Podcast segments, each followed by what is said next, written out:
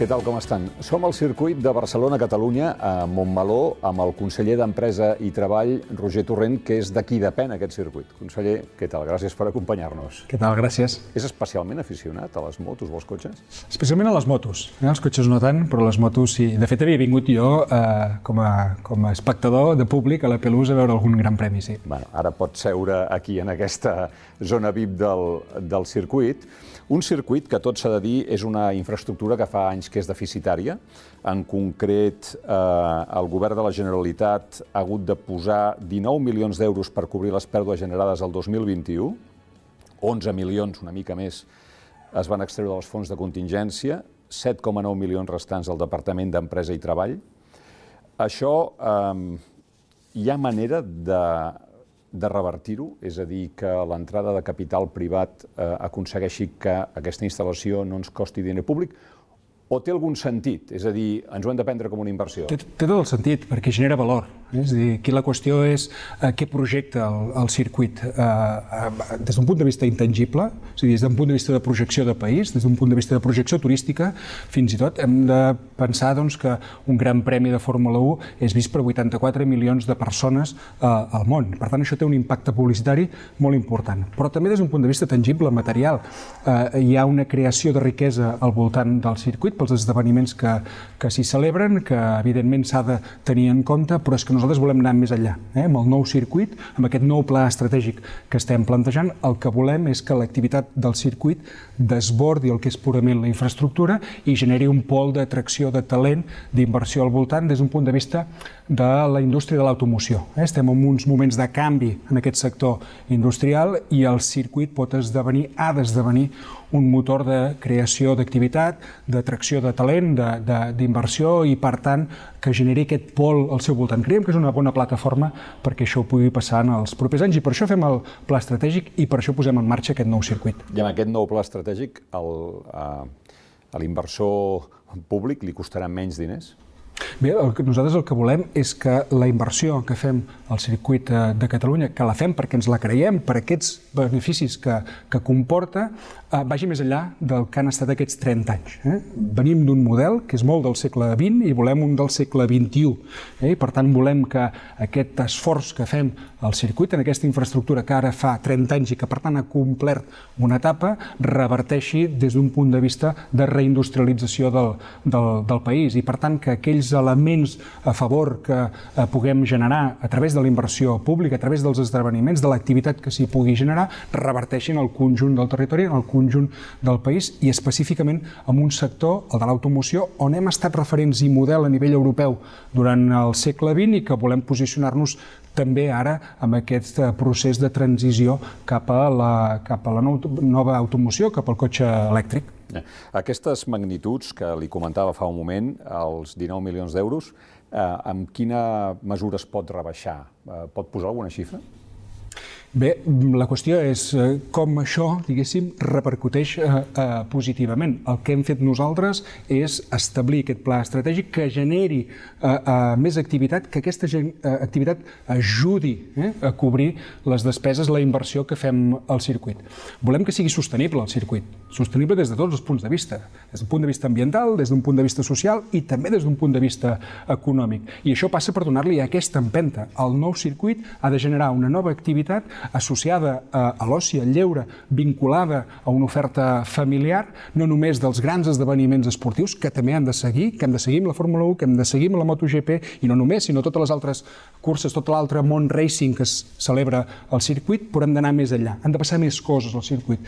I que passin més coses voldrà dir més ingressos i, per tant, voldrà dir que són recursos que reverteixen a la pròpia instal·lació, però també l'entorn. Està eh, acordada la continuïtat dels grans esdeveniments del, del motor, singularment la Fórmula 1 i els grans... Sí, hem acordat i, i no ha estat fàcil, eh? perquè com comprendran, hi ha molta competència en aquest sentit. Hi ha moltes ciutats del món que voldrien eh, un gran eh, premi de Fórmula 1 i de MotoGP, per tant hi ha competència, i en aquest sentit hem hagut de negociar, hem negociat amb Fórmula 1, hem negociat amb MotoGP per tenir aquesta capacitat a mig i llarg termini d'assegurar els grans premis de, de Barcelona al circuit de, de Catalunya. Ho hem aconseguit, ho hem aconseguit per 5 anys, jo crec que aquesta és una molt bona notícia perquè... Motos aquest... i cotxes, disculpi? Sí, tots dos. Hem aconseguit eh, 5 grans premis de Fórmula 1 i 5 anys de MotoGP eh, al circuit de, de Catalunya, amb un mínim de 3 grans premis i un màxim de 5. Dic un mínim de 3 i un màxim de 5 en l'àmbit de, les, de les motos, de MotoGP, perquè, com saben, no és l'únic gran premi que se celebra a l'estat espanyol i, per tant, s'ha de compatibilitzar a nivell, a nivell de calendari. En qualsevol cas, són 5 anys. Eh? Per fins tant, al 26? Fins al 26, exacte. Eh? Per tant, 5 anys que ens donen estabilitat, que ens donen una mirada una mica més llarga, perquè fi, ara, fins ara anàvem any a any, anàvem renovant um, gairebé agònicament no? el contracte per l'any següent i això ens dona aquesta estabilitat que permet treballar amb el pla estratègic i mirar-nos-ho amb una mirada que amplia el zoom, eh? que va més enllà. No és any a any i anar fent el que s'havia fet sempre per inèrcia, sinó que això ara ens permet tenint assegurada la Fórmula 1 i MotoGP, tenir una altra mirada, que és la que ens ha d'assegurar aquesta sostenibilitat, aquest procés de reindustrialització en l'àmbit de l'automoció i aquest model d'activitat, aquest model de gestió del circuit que permeti que hi hagi més activitat eh, molt més vinculada als nous valors del segle XXI, que tenen a veure amb el medi ambient, que tenen a veure amb la digitalització, que tenen a veure, en definitiva, amb aquesta sostenibilitat en tots els seus aspectes. Suposo que a l'hora de negociar tant amb uh, la Federació Internacional d'Automobilisme com amb la de motociclisme, el, el problema era que si surts del calendari després és difícil tornar-hi a entrar. No? Exacte. És a dir, quan no apareixes costa molt tornar a entrar. Eh? I el teu espai l'ocupa algú altre, eh? perquè són uns quants eh, caps de setmana durant l'any i a la que tu desisteixes o no apareixes o no ocupes el teu, doncs hi haurà alguna altra ciutat, algun altre punt arreu del planeta que, a més a més, amb molts recursos, eh? perquè nosaltres tenim les limitacions que tenim, hi han governs amb molts recursos disposats doncs, a ocupar l'espai que ocupa Barcelona i no ens podíem permetre no ser-hi. Eh? Insisteixo, ha costat molt, però hem aconseguit aquesta perspectiva de 5 anys, que jo crec que és molt positiva, no només des d'un punt de vista esportiu, és evident, també des d'un punt de vista de projecció, abans ho comentàvem, com, com de reconegut és aquest món a nivell mundial, però també des d'un punt de vista de tenir un element més que apuntar-li no, aquest, aquest pla estratègic. Um, és imprescindible MotoGP i Fórmula 1 per un circuit? No, però és un element que ajuda no només a la posició, sinó també a atraure aquesta inversió i aquest talent que volem que es vinculi amb aquesta infraestructura que ara té 30 anys i que, per tant, doncs, necessitava aquesta nova embranzida que li donem ara. Quan parla d'activitats familiars, pensa en mm. alguna cosa en concret? Doncs aquest dissabte mateix eh, fem, hem fet la, la, la festa de, de, dels 30 anys, diguéssim, eh, i per tant eh, hem exemplificat una mica què pensem no? quan, quan pensem en, en aquesta oferta d'oci, de lúdic, també més vinculada a, a, la, a la família. De fet, en el panorama dels circuits europeus eh, hi han dos models que ens semblen especialment interessants. Eh? D'una banda, per la seva vinculació amb la indústria Silverstone, al Regne Unit, i de l'altra, Nürburgring, a Alemanya.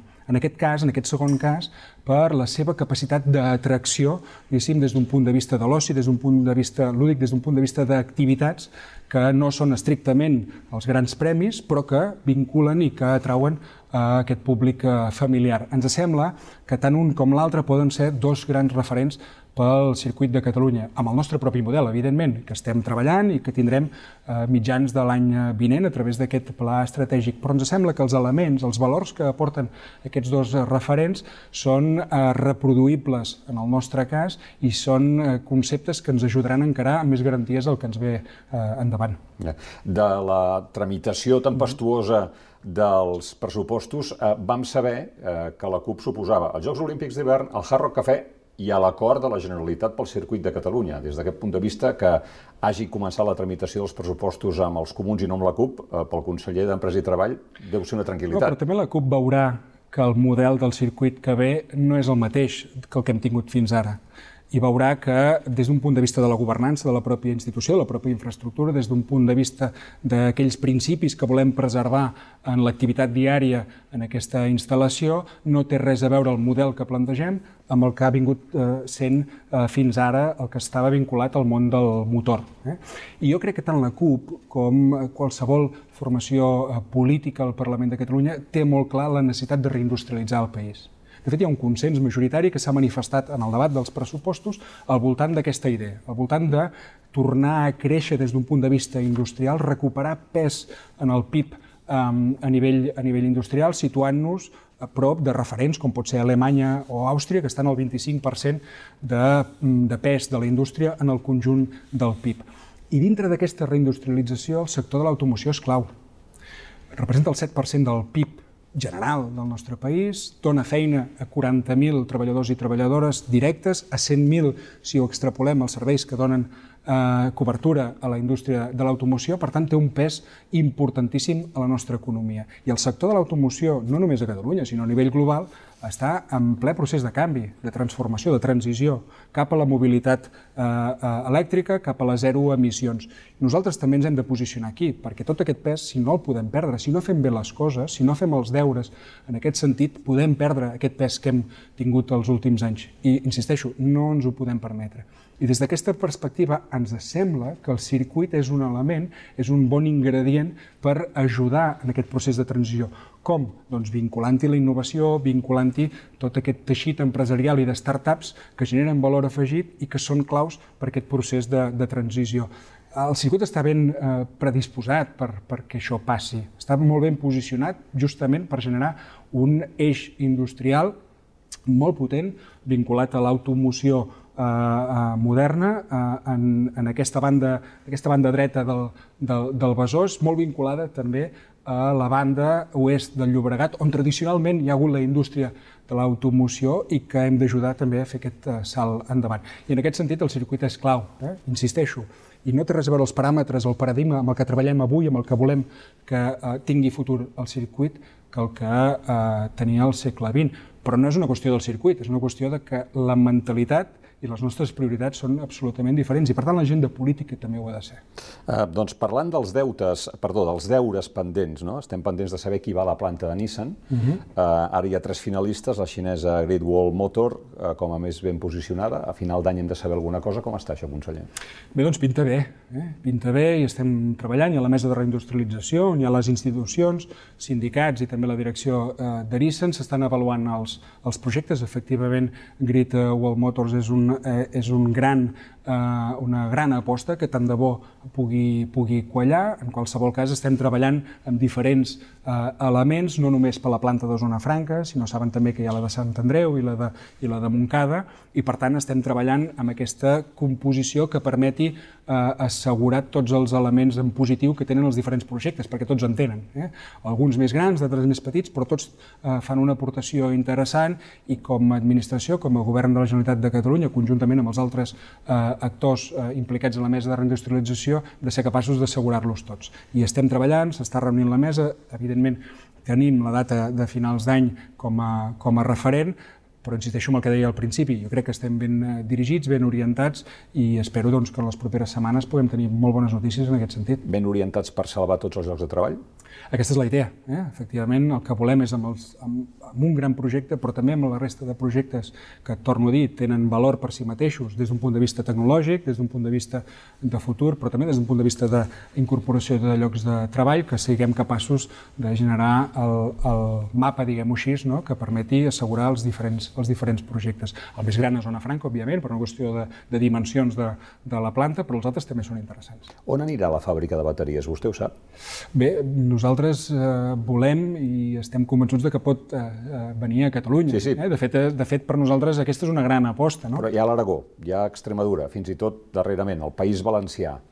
Estem treballant perquè pugui venir a Catalunya, estem eh, ben posicionats en el sentit de que eh, tenim bona candidatura, amb tots aquells elements doncs, que, eh, necessita una fàbrica d'aquestes característiques, des d'un punt de vista de, eh, de generació energètica, des d'un punt de vista dels serveis bàsics que ha de tenir la planta, des d'un punt de vista de la formació dels treballadors i treballadors, també això és molt important, més en aquests moments en què estem obrint una nova dimensió des d'un punt de vista de l'automoció. La, no és el mateix fer cotxes de bateries elèctriques que els cotxes de, de combustió i en aquest sentit ja fa alguns anys eh, que Catalunya eh, anem inculcant la idea de que hem de saber fer aquest eh, procés de, de, de canvi. Per tant, jo crec que tenim tots els elements i, de fet, ho hem traslladat eh, a les propostes que poden aterrar al nostre país, com perquè Catalunya sigui un pol europeu en la fabricació de, de bateries. Jo estic convençut també que no només tenim els bon, bons elements, sinó que també estem ben dirigits per, per poder-ho aconseguir. En qualsevol cas,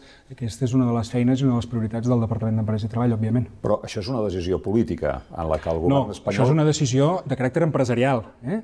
eh hi ha una decisió que és eh, vinculada als PERTE, eh? i en aquest cas el PERTE de l'automoció, la, que són els fons europeus mm, amb més capacitat tractora, són aquesta palanca de canvi per ajudar el sector a fer el salt, diguéssim. Eh? Però al final, les decisions no només des del punt de vista de la fabricació de bateries, sinó de tota la cadena de valor, són decisions empresarials. Ara, què hem de fer nosaltres? Doncs nosaltres hem de jugar totes les cartes possibles des d'un punt de vista de proposta de, de país, de proposta d'ecosistema eh, eh, socioeconòmic i empresarial, fins i tot com perquè la millor ubicació sigui Catalunya i, per tant, que per criteris empresarials es tria el nostre país per poder fer aquesta inversió tan important. Què significaria que no vingués a Catalunya? Bé, el que és important és que estiguem ben posicionats amb, amb la fabricació del cotxe elèctric. Eh? I això vol dir que es consolidi la fabricació del cotxe elèctric a Catalunya, perquè sense cotxe elèctric no hi ha bateries que valguin. Eh? L'important és tota la cadena de valor, però sobretot el que és important és que es facin cotxes eh, eh, amb el nou paradigma a Catalunya, que això és el que ens dona recorregut de, de, de futur. Dit això, com més elements d'aquesta cadena de valor se situïn al nostre país, millor. És a dir, que com més fases de la producció del cotxe elèctric es facin a Catalunya, molt millor. nosaltres treballem perquè n'hi hagi el màxim possible, particularment, òbviament, la, la fàbrica de bateries. Però insisteixo en el que deia, el, el més important i el que desencadena tot, el que ho desencadena tot, és la fabricació del cotxe elèctric, que això també ho hem d'assegurar. Eh? I, I en aquest sentit el PERTE és molt important, eh? perquè són aquests recursos que permetran fixar les grans inversions, a, a, esperem que a Catalunya. Hi ha algun aliat pel, perquè la fàbrica de bateries vingui a Catalunya? Bé, nosaltres parlem amb tot el teixit empresarial del sector, eh? no només amb, amb SEAT, que és l'empresa emblemàtica des d'aquest eh, punt de vista i la que genera més llocs de treball al nostre país. I la que país, està més interessada. I la que està més interessada, pressió, òbviament, no? amb, amb, amb el procés, diguéssim, no? d'evolució de, de, que ha de fer el sector, recolzat amb aquests fons públics, fons eh, europeus, però parlem també amb el conjunt del teixit empresarial, a través del clúster i a través d'empreses específiques que, um, que tenen recorregut, que tenen proposta, que tenen futur, que tenen projectes, però que necessiten que es faci aquesta aposta decidida. Ha una aposta que hem hagut d'accelerar.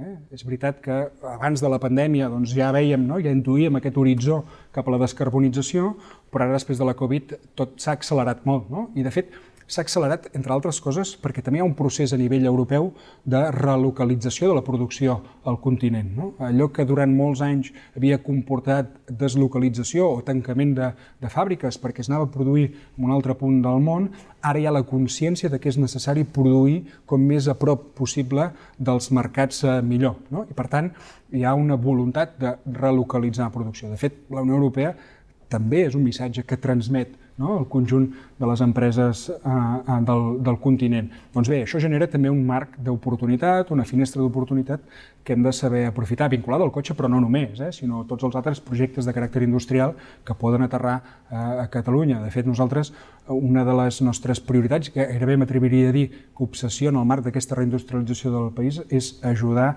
aquests projectes d'inversió estrangera a Catalunya a concretar-se aquí perquè donen llocs de, de, de, de treball i no només això, sinó que ens tornen a posicionar com una potència industrial a nivell europeu.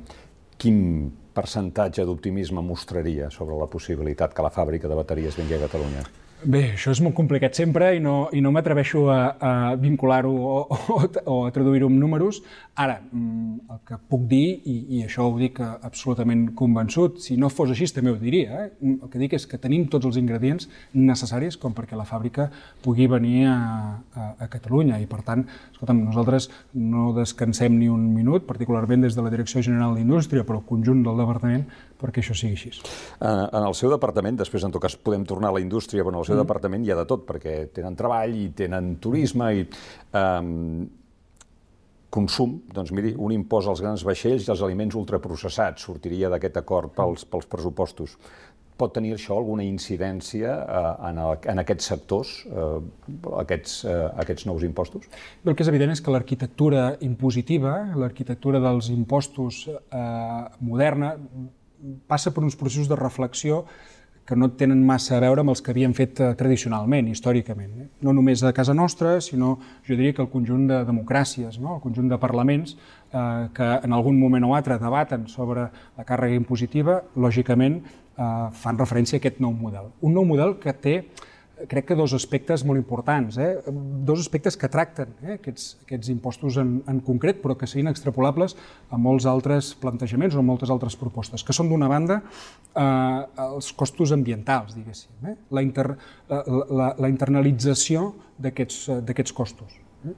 És a dir, que totes aquelles activitats que tenen un impacte eh, sobre l'atmosfera, sobre el medi ambient, en un, en un context d'emergència climàtica és necessari doncs, que tinguin d'alguna manera eines perquè eh, eh, o bé es redueixi, es redueixin les emissions, o bé es forci a una transició cap a models més sostenibles sigui aplicats a la navegació, sigui aplicats a la mobilitat, sigui aplicats a qualsevol altra activitat eh, econòmica. Per tant, aquest és un concepte que, de fet, ja hem estrenat a Catalunya. Eh? Ja ho hem plantejat eh, amb altres instruments de caràcter impositiu, precisament perquè també volem ser un dels, eh, eh, fi, una de les democràcies o de, de les administracions, de les institucions que responen també més directament i de manera més eficient a aquestes noves eh, eh, demandes o aquestes noves necessitats de caràcter global en aquest cas. I l'altre element és el de la salut eh?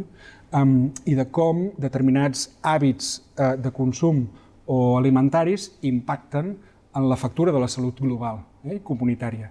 I des d'aquest punt de vista crec que també són costos que hem de saber internalitzar. No perquè vulguem penalitzar determinades activitats, al contrari, sinó perquè volem també ajudar a fer el canvi cap a hàbits de consum més eh, saludables.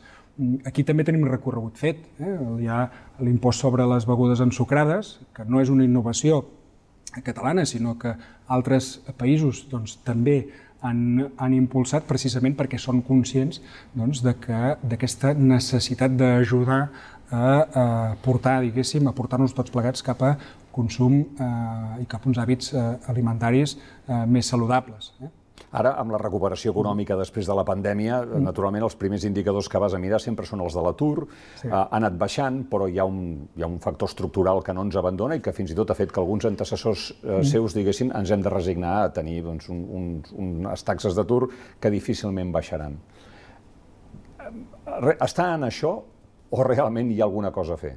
Al contrari, jo crec que mm, no ens podem resignar mai eh? i l'objectiu és la plena ocupació, sempre ho ha de ser i sobretot en aquest context de recuperació econòmica, eh, que té a veure amb l'element més conjuntural, com sortim de la fase de Covid, però sobretot com ens posicionem per estar més preparats pel futur. Ara estem prenent decisions que afectaran a, a, a les properes generacions. És a dir, avui estem decidint com i de què viurem els propers 10 o 20 anys. I amb aquesta lògica el que hem de preveure és quin tipus de, um, de perfils professionals, de llocs de treball es crearan en els, en els propers anys. Uh, I estar preparats per això, i tenir una oferta formativa, i tenir unes capacitats um, de la massa treballadora del, del país preparada per ser competitius des d'aquest punt de vista. De fet, abans ho comentàvem, no? Uh, algunes de les inversions uh, internacionals que poden venir al nostre país, una de les primeres coses que ens demanen és quins perfils professionals teniu disponibles i si no els teniu disponibles en aquests moments, com els esteu formant perquè el factor treball, el factor humà, és importantíssim, cada vegada més una economia digitalitzada, en una eh, economia on cada vegada més la capa digital eh, serà més important, el factor humà també. I des d'aquest punt de vista crec que ens hem de preparar pels, eh, pels propers anys. I, I en aquest sentit, eh, la formació professional entesa com un tot, per tant la professional, l'ocupacional i la continuada eh, és, és bàsica. I en aquest sentit fem un esforç molt gran, estem desplegant un pla de xoc en polítiques actives d'ocupació que té una vessant formativa molt important que està dotat amb 917 milions d'euros, eh? la injecció més gran que s'ha fet mai de recursos públics en l'àmbit de les polítiques actives d'ocupació. Per atacar l'atur en, la seva, en, el seu, en el seu conjunt, però especialment amb tres segments de la població que, eh, que són particularment eh, afectats, diguéssim, eh, per, per, per l'atur, que són els joves. Eh? Tenim un atur juvenil eh, molt per sobre de la mitjana europea, cosa que no es pot permetre cap país. Nosaltres, evidentment, tampoc. Per tant, atur juvenil, el viatge de gènere, Eh? Avui el 57% de les persones aturades són dones, per tant hi ha un viatge claríssim des d'aquest punt de vista que també hem d'atacar, i finalment els aturats de més de 45 anys. Eh? Aquests eh, tres eh, col·lectius són els que ens dirigim especialment amb aquest pla de xoc de polítiques actives d'ocupació, que passa, com deia, per la formació inicial, però també l'ocupacional, la que es va, o la continuada, la que es va donant al llarg de tota la vida laboral, perquè hem de eh, preparar els treballadors i treballadores pel que ens ve. Ara està molt de moda dir reskilling, no? aquest, que és un, aquest anglicisme que ens ajuda a explicar que hem de donar noves eines als treballadors i treballadores per ser competitius en un món que està canviant molt ràpidament. Tots els experts eh, veuen un dèficit de grans empreses a Catalunya. Mm -hmm. En aquest pla de reindustrialització hi ha alguna possibilitat d'anar agafant gruix o fins i tot de portar directament mm, una gran empresa? Això és el que procurem, diguéssim. Eh? Uh, hi ha, hi ha possibilitats de grans, de grans empreses. Abans parlàvem de, de, de Gridwall, no? que és, una, que és un, un uh, fabricant d'automoció, de, de, de, de cotxes que, que, que està creixent, uh, que té una posició molt consolidada a Xina i a l'Àsia i que vol entrar a Europa i que la porta d'entrada pot ser Barcelona, pot ser Catalunya, això ens ajudaria en aquest, en aquest sentit, però a més a més nosaltres som conscients de que ens falta musculatura empresarial. Eh? El 99,8% del teixit empresarial del país són pimes, eh? cosa que està molt bé perquè ens explica històricament, perquè ens ha forjat també un determinat eh, caràcter. Si diguem que som un país de pimes, no ho diguem només per aquesta estructura econòmica, sinó pels valors vinculats eh, i la cultura vinculada precisament a aquesta organització empresarial, però ens falta força. Eh? Moltes vegades detectem doncs, que hi ha grans projectes que hi ha grans empreses que són tractores d'aquests grans projectes, però que les pimes que donen servei, eh, que donen cobertura a aquestes grans empreses, els hi costa seguir eh, el ritme. No? Per tant, hem de ser capaços de generar aquesta, eh, de muscular eh, el teixit empresarial del país. I això passa no necessàriament per integracions, no necessàriament per fusions, passa, per exemple, per joint ventures o per eh, acumulació eh, d'interessos amb determinades empreses que no estan massa acostumades a treballar eh, consorciadament, perquè és veritat que tradicionalment Catalunya, al ser un país de, de, de pimes, ha costat veure com eh, el treball associatiu, com eventualment la integració podia generar un salt endavant que era molt necessari per a aquelles empreses i pel conjunt del, del país. Llavors, què podem fer? Doncs identificar aquests campions ocults que hi ha a la nostra economia, que n'hi han i molts, i també saber-los eh, donar l'embranzida no, des d'un punt de vista del sector públic perquè puguin fer el salt, perquè puguin créixer, perquè puguin ser més competitius i puguin assumir projectes i, i encàrrecs proje eh, eh, que d'altra banda difícilment poden assumir i llavors ve una altra empresa, una empresa gran no radicada a Catalunya no? i es queda amb, amb, amb aquella quota de, de mercat. Per tant, hem de ser capaços de, també de fer aquest, aquest, aquest salt. De fet, el plantejament que fem al Departament d'Empresa i Treball té molt a veure amb el que avui anomenem l'estat emprenedor, eh? una administració emprenedora, que és aquesta que no només fixa objectius o només marca l'agenda política, en aquest cas vinculada a, la, a les empreses i als treballadors i treballadores del país, sinó que també es converteix en un soci eh, d'aquests eh, agents econòmics i socials, en el sentit de dir, escolta'm, anem a compartir una part del risc perquè ens sembla que és estratègic que eh, aquest camí el fem conjuntament. Aquest camí fins a arribar a aquest horitzó que ens marquem entre tots plegats, el podem fer conjuntament assumint els riscos. Què vol dir assumint i compartint els riscos? Doncs també amb recursos públics poder ajudar en aquells projectes empresarials que poden ser clau en el futur. De fet, des d'aquest punt de vista, nosaltres tenim Avança, que és una eina que forma part del Departament d'Empresa i Treball, que és la societat de participades eh, de la Generalitat, que eh, fins ara bàsicament el que ha fet, i és molt important, és ajudar aquelles empreses que estaven en una situació de crisi, en una situació molt delicada. Quan no, aquestes empreses no aconseguien crèdit al mercat, recorrien a Avança i hi havia una participació pública per eh, mantenir-les eh, eh, mantenir surant, diguéssim. No? I això ens ha permès que moltes empreses eh, sobrevisquessin i això és importantíssim pels llocs de treball que hem preservat. Però ara volem que Avança faci un salt més endavant, eh? hi hagi un cert canvi i per tant no només sigui un prestamista d'últim recurs, sinó que sigui un inversor de primer recurs, que vol dir que empreses a les que hi detectem potencial hi puguem participar, per això que deia de compartir el risc en pro d'un benefici que és global i que, és, i que va a la línia del, del, del bé comú i va a la línia del que comentaves, d'enfortir les empreses del, del país perquè siguin eh, més competitives. Foment del Treball eh, diu que està treballant activament mm. perquè tornin les empreses catalanes a l'IBEC 35 que van portar la seva seu social fora de Catalunya el 2017. Hi ha alguna novetat en aquest sentit? No, nosaltres sempre hem dit que la nostra feina és garantir que Catalunya sigui un punt atractiu perquè les empreses que hi són o les que puguin venir puguin desenvolupar la seva activitat. Però que no farem res especial per atraure algunes empreses que per una decisió de caràcter polític van decidir en el seu moment doncs, traslladar la seva seu social, que no productiva, diguéssim. Eh? Um, perquè si féssim això ens semblaria també una certa falta de respecte a totes aquelles empreses que, malgrat les pressions polítiques que en el seu moment van tenir, que van ser moltes, van decidir mantenir-se fermes i uh, continuar uh, a Catalunya. Ens semblaria injust per aquestes i al mateix temps ens sembla que el que nosaltres el que hem de treballar és pel conjunt de les empreses. Si venen benvingudes, ens, ens agradarà molt que aquelles que van canviar la seva seu social la tornin a col·locar o la tornin a localitzar a, a Catalunya però la nostra feina és treballar doncs, perquè puguin desenvolupar tota la seva activitat amb les millors condicions. Està d'acord amb els que diuen si milloréssiu la fiscalitat ja veuries com tornarien aquestes empreses? Però fixis, jo, jo sempre penso, és a dir, escolta'm, al final eh, el debat de la fiscalitat és molt interessant. Abans en parlàvem amb uns criteris, en podem parlar eh, amb uns altres. Eh? De fet, no només és interessant des d'un punt de vista ideològic, també és interessant des d'un punt de vista econòmic no? I, i veure eh, com eh, quan es pren una decisió respecte a un impost té uns efectes a nivell econòmic, a nivell social, etc. No? Per tant, crec que és de país madur eh, eh, i de democràcia consolidada obrir debats d'aquestes característiques i fer-ho sense prejudicis ideològics. Eh? Crec que és la millor manera d'aproximar-se a això i a, i a tot. Dit això, eh, també hem de ser conscients que una part de la nostra competitivitat es deu a uns serveis públics de qualitat què vull dir amb això?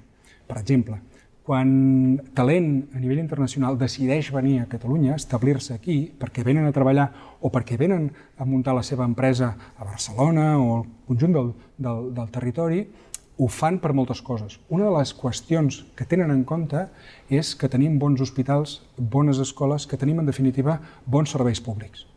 I aquests serveis públics, que insisteixo, no només tenen a veure amb l'equitat i tenen a veure amb la justícia social i amb la redistribució de rendes, sinó que també és un factor de competitivitat, s'han de poder finançar amb els recursos públics que generin a través, de, a través dels, dels impostos. Per tant, té que aquesta dimensió també s'ha de tenir en compte. I quan algun agent econòmic diu, escolta, més que potser baixant els impostos atrauríem més inversió o trauríem més talent, crec que aquesta part de l'equació també l'han de tenir en compte. Però Insisteixo, eh? és un debat que, que és molt interessant i, que, i, que, i que, que hem de fer com a país. Eh? Bueno, la presidenta de Madrid treu pit d'això, vull dir que si elimina sí, fixis, successions sí. i, el, i elimina patrimoni, doncs... Sí, doncs resulta que Madrid té més atur que Catalunya. Uh, resulta que a Catalunya s'han creat més empreses uh, aquest any que les que s'han creat uh, a Madrid. Per tant, tots els indicadors econòmics desmenteixen aquest discurs oficial de la presidència de la Comunitat de, de, de Madrid. En tot cas, Madrid, um, de fet, el que fa és aprofitar-se de l'efecte capitalitat. Què vol dir l'efecte capitalitat? Home, jo em puc permetre baixar impostos si resulta que les carreteres no les pago amb els recursos propis de la Hisenda de la Comunitat de Madrid, sinó que els paga eh, el, el Ministeri corresponent. I així és amb qualsevol altra infraestructura que es pugui fer a Madrid pel fet de ser capital d'un estat i de la qual se'n beneficien els ciutadans i les ciutadanes madrilenys i això permet doncs, a la presidenta Ayuso fer el discurs eh, que fa. I aquest centralisme, aquest efecte capitalitat de Madrid, afecta el conjunt de l'Estat i comencem a sentir veus cada vegada amb més intensitat a nivell polític no? de determinats presidents de comunitats autònomes, com el president Puig al País Valencià, doncs que posa sobre la taula aquest efecte capitalitat i sobretot que com això permet a Madrid fer una competència deslleial des d'un punt de vista eh, impositiu. Perquè aquest, aquest efecte de Madrid no ens perjudica especialment a Catalunya torno a recordar les dades eh, macroeconòmiques, diguéssim, eh, sinó que afecta moltes altres comunitats. De fet, Catalunya s'ha mantingut des de l'any 80 eh, en el 20% del PIB del conjunt de l'Estat. No hem modificat aquestes, aquestes xifres. Hem estat, des de llavors fins ara, eh, de manera estable, el, eh, suportant, o, o en tot cas produint, perdó, el 20% del PIB a nivell de l'Estat qui ha canviat la seva posició són altres comunitats autònomes en relació a Madrid. D'aquí que hi hagi un discurs polític cada vegada més evident en, en, aquest, en aquest sentit. En aquests moments, eh, i, i per anar acabant, eh, també hi ha molta eh, atenció posada en la mobilitat dels treballadors i de les empreses, i penso en Rodalies i en el corredor mediterrani. Eh, en què està treballant en aquest sentit?